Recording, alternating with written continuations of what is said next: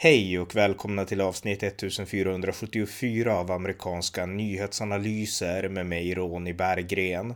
En konservativ podcast som kan stödjas på swishnummer 070-30 28 95 0. Igår den 25 januari 2022 så hade SVT Utrikesbyrån ett program om de ryska legosoldaterna i Wagnergruppen. En milisrörelse som betecknas som ett privat säkerhetsbolag men i själva verket har täta band till Putins regim och agerar proxysoldater åt denne i konfliktzoner runt om i världen. Här berättar jag om när Wagnergruppen attackerade USA i Syrien 2018 och fick storstryk av amerikanerna. Varmt välkomna! Ja, igår så hade alltså SVTs program Utrikesbyrån ett avsnitt som handlade om den ryska Wagnergruppen. En eh, rysk milisgrupp som har, eh, är privat säkerhetsbolag men som har direkta kopplingar och nära band till Putin-regimen och som används som proxysoldater i olika konflikter ute i världen, Ukraina, Syrien och många andra ställen då.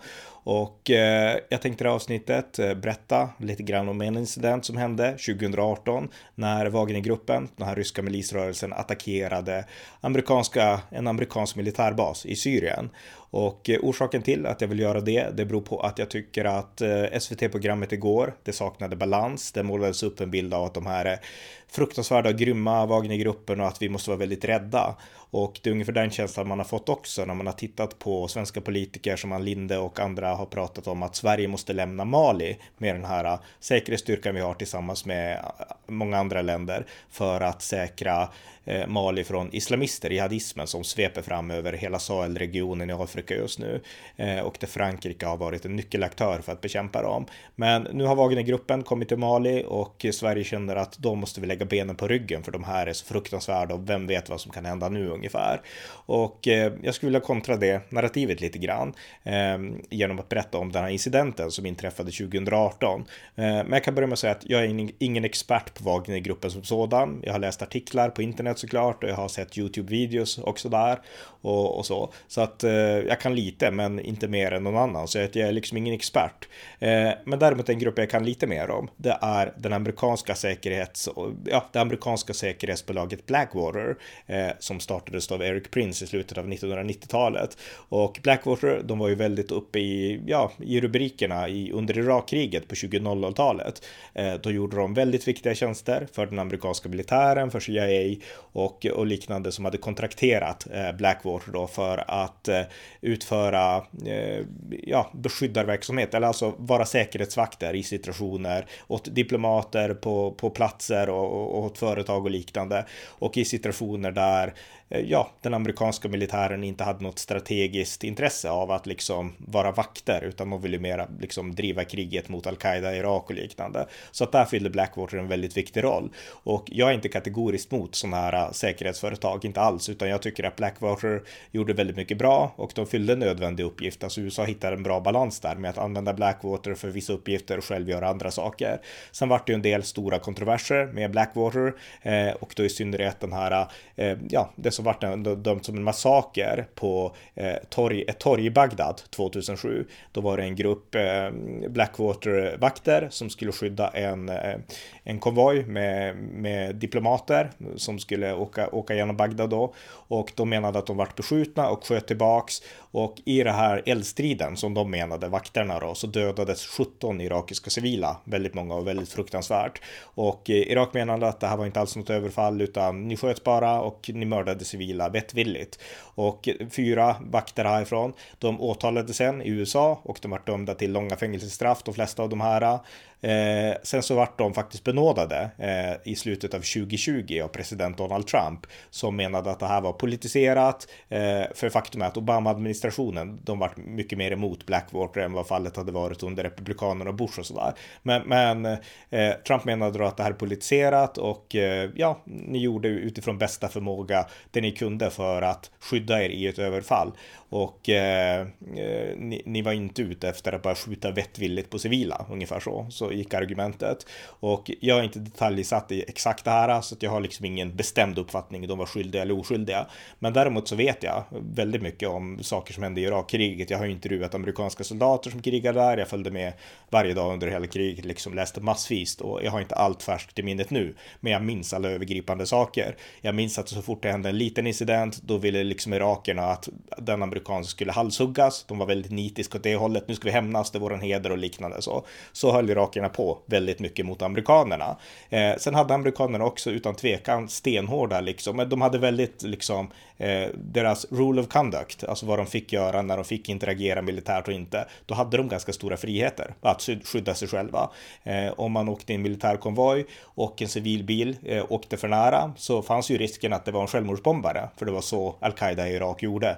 Och eh, då gav man, man sköt varningsskott och liknande. Och om bilen, oftast ungdomar som bara ville köra vilt och liksom härja, eh, om de gjorde det i alla fall för att provocera eller för att de tyckte det var kul, då sköt amerikanerna och de som fanns i bilen dog. Det, det var så man gjorde. Så att eh, den amerikanska militären, den officiella amerikanska militären, då var med om massa sådana här incidenter där det dog civila iraker. Och där kan man diskutera A och B. Jag skulle säga att det var de amerikanska krigsregler som fanns och USA försökte inte medvetet döda civila. Det är min absoluta syn syn. Och när det kommer till Blackwater så är jag inne på det spåret också, att Blackwater var liksom ingen Rogue-rörelse. Nu har de bytt namn till Academy, Academy tror jag de heter nu. Men Eh, det var liksom ingen sån här galen rörelse som liksom nu ska vi ut och döda civila för att det är kul ungefär. Så var det inte, utan det här var en, ett privat säkerhetsföretag som arbetade för att göra tjänster som den amerikanska regeringen behövde eh, för att säkra eh, liksom Iraks demokrati och för att besegra al-Qaida i Irak. Så att jag är överlag positiv till Blackwater ska sägas.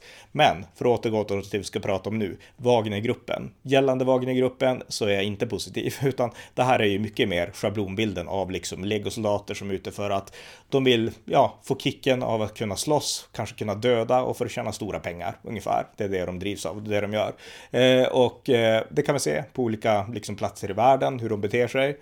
Och eh, eh den incident jag tänkte berätta om nu då, det är den som inträffade i Syrien eh, 2018. För det var det så här, alltså det här är ju proxysoldater, Wagnergruppen då, som har väldigt nära band med Vladimir Putin, eh, Wagnergruppens nuvarande eh, Eh, ledare. Eh, det är eh, eh, Prigozjin, som jag tror att det är han som har kallat, kallats Putins kock därför att han har serverat Putin mat vid något tillfälle och sådär. Och eh, han leder gruppen nu och han har väldigt nära band med Putin-regimen.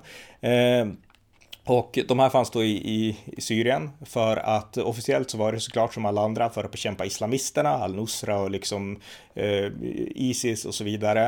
Eh, men jag skulle hävda att ryssarna var där med helt andra motiv i grund och botten. Alltså Ryssland bryr sig inte om, de är inte där för att kämpa för mänskliga rättigheter, lika li lite som de gör det i Ukraina eller liksom, i, liksom i Centralasien, utan de är där för sina egna intressen och det intresset Putin har och hade i Syrien, det var att få ett insteg i Syrien, alltså att få bli en strategisk spelare i Syrien och liksom trycka bort lite av den amerikanska dominansen och så där och liksom få ett, eh, ja, få en allierad i, i den syriska regimen. Det var liksom det strategiska intresset för Putin och kanske utbyte mot liksom, eh, ja, naturresurser och liknande saker och det var definitivt en faktor för Wagnergruppen ska sägas, pengar från och olja och sådana saker. Eh, men eh, så att det var liksom, det är det som var det ryska intresset. Eh, Medan eh, USA hade ett mycket mer idealistiskt intresse. Det finns ju många konspirationsteorier om att USA är där för att de agerar på det sätt som vi vet att liksom de här ryska proxykrigarna gör. Men USA var i Syrien av rent idealistiska skäl. Man arbetade jättetajt med liksom de kurdiska försvarsstyrkorna och eh, det var ju ett supertajt samarbete med dem. Så att där var det liksom för att rädda civila och sen så ja, de strategiska intressena. Trump slängde ur sig saker att vi borde ta oljan och liknande, men det var bara prat. Det hände inte i praktiken liksom. Eh, så att eh, eh det som hände sen, det var helt enkelt att eh, USA var där av idealistiska skäl. Ryssarna var där av andra skäl och det kan man gå in på vid annat tillfälle mer i detalj. Men det är viktigt att kontra den här bilden som är så lätt uppblåst och som jag har fått höra i flera år, liksom att ja, men ryssarna, det är de som bekämpar islamisterna och USA har dåliga motiv och sådär. Men faktum är att det var tvärtom kan, kan, man säga då. Men hur som helst, det som hände då 2018, den 7 februari 2018 när de har bestämt, det var att eh, 500 soldater från Wagnergruppen som stred för Assad, de ville ta in en, eh, ett, eh, ett oljeraffinaderi raffinaderi, eh, som fanns vid den syriska staden då Der Essor och där hade USA en militärbas och det förhindrade inte de här styrkorna från att närma sig militärbasen med 27 olika Eh, stridsfordon och 500 soldater. Och eh, det var ungefär 40 amerikanska soldater på militärbasen ska sägas. Så att man närmade sig och eh, man började skjuta. Amerikanerna såg ju vad som hände, de kom närmare och närmare. Och till en början så sköt de, de här som anföll, amerikanerna tog skydd. Och under de första 15 minuterna så gjorde USA allt för att få kontakt med sin ryska motsvarighet i Syrien då för att få dem att stoppa den här attacken. Och det lyckades inte och då ville man bara få bekräftat från Ryssland. Är det här Ryssland som attackerar oss? För då är det ju stor politik. Då måste presidenten inkallas och då kommer det hända hur mycket som helst liksom. Eh, men då fick man beskedet av ryska, eh, ja, Rysslands high command i Syrien, i Syrien då att det här är inte, det är inte vårat folk. De pratar ryska såklart, det var Wagnergruppen, men de är inte officiellt under rysk flagg. Och eh, när USA fick det beskedet, då sa Eh, försvarsminister James Mattis, Donald Trumps försvarsminister, han sa helt enkelt så här till eh, general Joseph Dunford att eh, okej, okay, det är bara att liksom tillintetgöra dem. Det här är inte liksom Rysslands officiella armé, Ryssland tar avstånd från det här, Alltså att det är bara en milisgrupp som anfaller oss, förstör dem, tillintetgör dem. Och det hände och det gick väldigt snabbt. USA skickade dit vågor av liksom sina flygplan, eh, liksom drönare, F-22 ställplan, eh, liksom F-15 fighter jets och B-52 bombare. Man skickade dit Apache-helikoptrar och eh, man gjorde det här i omgångar, i ronder som man oftast har gjort. Alltså USA har ju enorm erfarenhet av att strida mot de här formerna av milisgrupper som är beväpnade med typ skjutvapen, liksom AK4 och det spelar ingen roll vad de har, med skjutvapen ibland och sådana här antiflyg, eh, liksom grej som, som, som gör att du kan skjuta ner helikoptrar och sånt. I viss mån kanske de har det. Och liksom lättare stridsfordon och sånt. Alltså de erfarenheterna har USA från Irak och från kampen mot talibanerna i Afghanistan. Så USA är experter på att liksom slå ner sådana här former av attacker. Och det var exakt det man gjorde. Man anföll i omgångar och eh, det gick otroligt snabbt och från marken så sköt man eh, liksom också med olika former av artillerier och eh, samtidigt då som, som man gjorde luftanfall. Och eh, Wagnergruppen slogs ut totalt. Eh, man bedömer att ungefär 200 av de här eh, 500 dog i Wagnergruppen. Ingen amerikan dödades och eh, efter tre timmar så var de helt utslagna. Och det kom sen fram en inspelning när de hade ringt och bett om hjälp och de pratade ryska, men Newsweek översatte det här och det är totalt kaos bland de här ryska soldaterna. De ringer in på, på morgonen där och de säger saker som att att Uh, Eh, en person säger så här. Ah, one, squad one squadron fucking lost 200 people right away. Another lost 10 people. And I don't know about the third squadron. But it got eh, torn up pretty, pretty badly too. Uh, three squadrons took a beating, säger en rysk då, liksom på de här samtalen. En annan säger att They were all shelling the holy fuck out of it, uh, and our guys didn't have anything besides the assault rifles. Nothing at all. I'm not even talking about shoulder fired SAMs or anything like that. They tore us to pieces, put us through hell, säger en röst då. Uh, en annan ryss säger att eh, they beat our asses like we were little pieces of shit. Eh, och sen så fortsätter han gnälla på att våran ryska regering då, de kommer förmodligen att bara backtracka nu och ingen kommer liksom att ge oss stöd eller någonting utan vi är helt ensamma. Och sen är han förbannad då på, på den ryska regeringen för att de förmodligen kommer att göra så. Så att eh, det, det, var en del av de här transkripten som kom ut och eh, eh och en annan sa så här att, eh, ska söka jag har artikeln framför mig, en annan som sa här att We got our fucking asses beat rough, the Yankees made their point. point. Uh, what were they hoping for? That the Yankees are just going to fuck off? It's bullshit. Some people can't even be, uh, uh, alltså inte ens identifieras liksom. Och det är alldeles för många skadade och döda här typ. Så att det var totalt kaos bland de här Wagnerstyrkorna. Och USA förlorade ingen. Jag tror att det var någon som fick en lättare skada, men, men det var allt. Så att eh, det här var liksom ingen match för USA. Och det var en till liknande incident när Wagnergruppen försökte anfalla USA. Och eh, de fick stort tryck då också, även om det här var den största incidenten. Så att när bilden målas upp eh, som fallet nu är i Sverige och även på andra håll av att Wagnergruppen, det är liksom de här odödliga soldaterna från, ja, från, från liksom ur antiken och så där, som, som kan slåss. Jag tänker på de här filmerna nu förresten. Eh, 300.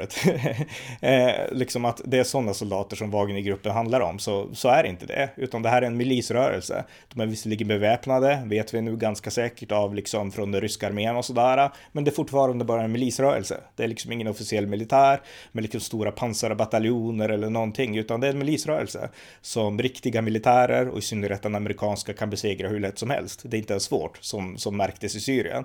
Så att jag menar, jag tycker att det, det blir, man får en skev bild när, när det målas upp den här bilden av att det här, och nu är ryssarna där, nu är ryssarna i Mali, så nu måste vi liksom lägga benen på ryggen och dra därifrån nu genast eh, och helt glömma totalt vikten av att se, säkra Sahelregionen, inte bara i Mali utan hela området från den snabbt växande islamismen med Islamiska staten och andra islamiska terrorgrupper. Därför att görs inte det så kommer det bli kaos i Afrika och dels enormt humanitärt lidande och dels så kommer flyktingvågorna mot Europa att bli enorma, liksom om inte de här regionerna stabiliseras. Och det som hotar stabiliteten där nu, det är eh, islamismen och där gör väst stora insatser för att stävja islamismens framfart. Frankrike har gjort mycket, men USA, USA var på plats och USA är väldigt kritiska till att Mali nu har bjudit in Wagnerstyrkorna och USA fördömde innan jul Mali för det här och sa att det här innebär alltså att ni kommer inte få stabilitet stabilitet utan det här kommer bara bli värre. För Wagnerstyrkorna gör ingen nytta alls. De kommer inte hjälpa er befolkning medan vi i väst gör det.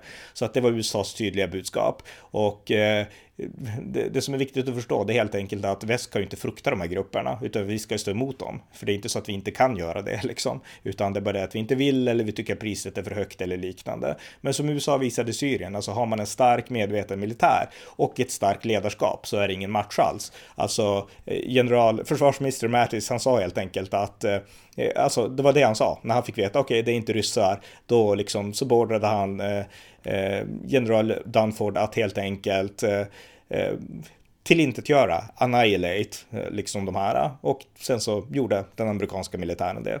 Så att det är liksom det jag vill få fram i den här eh, ja, i det här samtalsklimatet som finns nu i Sverige, inte minst kring Wagnergruppen och som också uttrycktes på SVT igår. Alltså, eh, vårat fel i väst är inte att vi är svaga. Jag menar, vi har också utsatt Wagnergruppen för sanktioner, Magnitsky Act och liknande, reseförbud och liksom massa ekonomiska sanktioner. Så att vi har ju den styrkan och det har vi fattat. Men vi måste också förstå att vi har också den militära styrkan, framförallt USA då, men även Storbritannien och även Frankrike i viss mån då såklart. Så att eh, Eh, det är liksom, vi kan inte bli rädd för en skugga. Det är det som är, liksom, man måste hålla det hela i, liksom, i, i perspektiv och det är det jag tycker vi misslyckas med när vi diskuterar det här. Så att eh, lite mer perspektiv tack och väst måste bli, vi, alltså vi kan inte retirera så fort det dyker upp någon ny aktör på scenen, utan vi måste hålla dominansen i världen. Det gäller i Afrika, det gäller i Ukraina och det gäller globalt, även Taiwan och stora delar av världen. Väst måste visa att vi fortsatt är den dominanta makten som sätter agendan för liksom världspolitiken och den globala politiken. Det är så väst har gjort i 400 år och vi kan liksom inte ändra det just nu. Eh, för det är inte så att vi är svagare idag, utan vi är, okej, okay, vi är lite svagare än historiskt, men alltså vi är, alltså den starkaste aktören i världen är fortfarande väst, både ekonomiskt och militärt. Och vi pratar om, vi pratar som om att så inte vore fallet. Och jag skulle säga att det visar att vi har ett väldigt svagt och väldigt historielöst ledarskap i västvärlden idag tyvärr. Men det finns starka ledarskap, Mattis och liksom, ja, USA under Donald Trump visade det, men det finns även andra liksom länder och så där, där man kan se det. Men det är det vi behöver. Alltså vi är inte så svaga som vi tror, men det vi saknar är att vi har inget starkt ledarskap och det måste vi få och eh, vi måste sluta vara rädda för skuggor och det är väl det som jag ville, ja, vill betona lite då i den här podden. Det var avsnitt 1474 av amerikanska nyhetsanalyser. En konservativ podcast om amerikansk politik som kan stödjas på swishnummer 070-30 28 95 0 eller via hemsidan på Paypal, Patreon eller bankkonto. Det var allt för den här gången. Tack för att ni har lyssnat.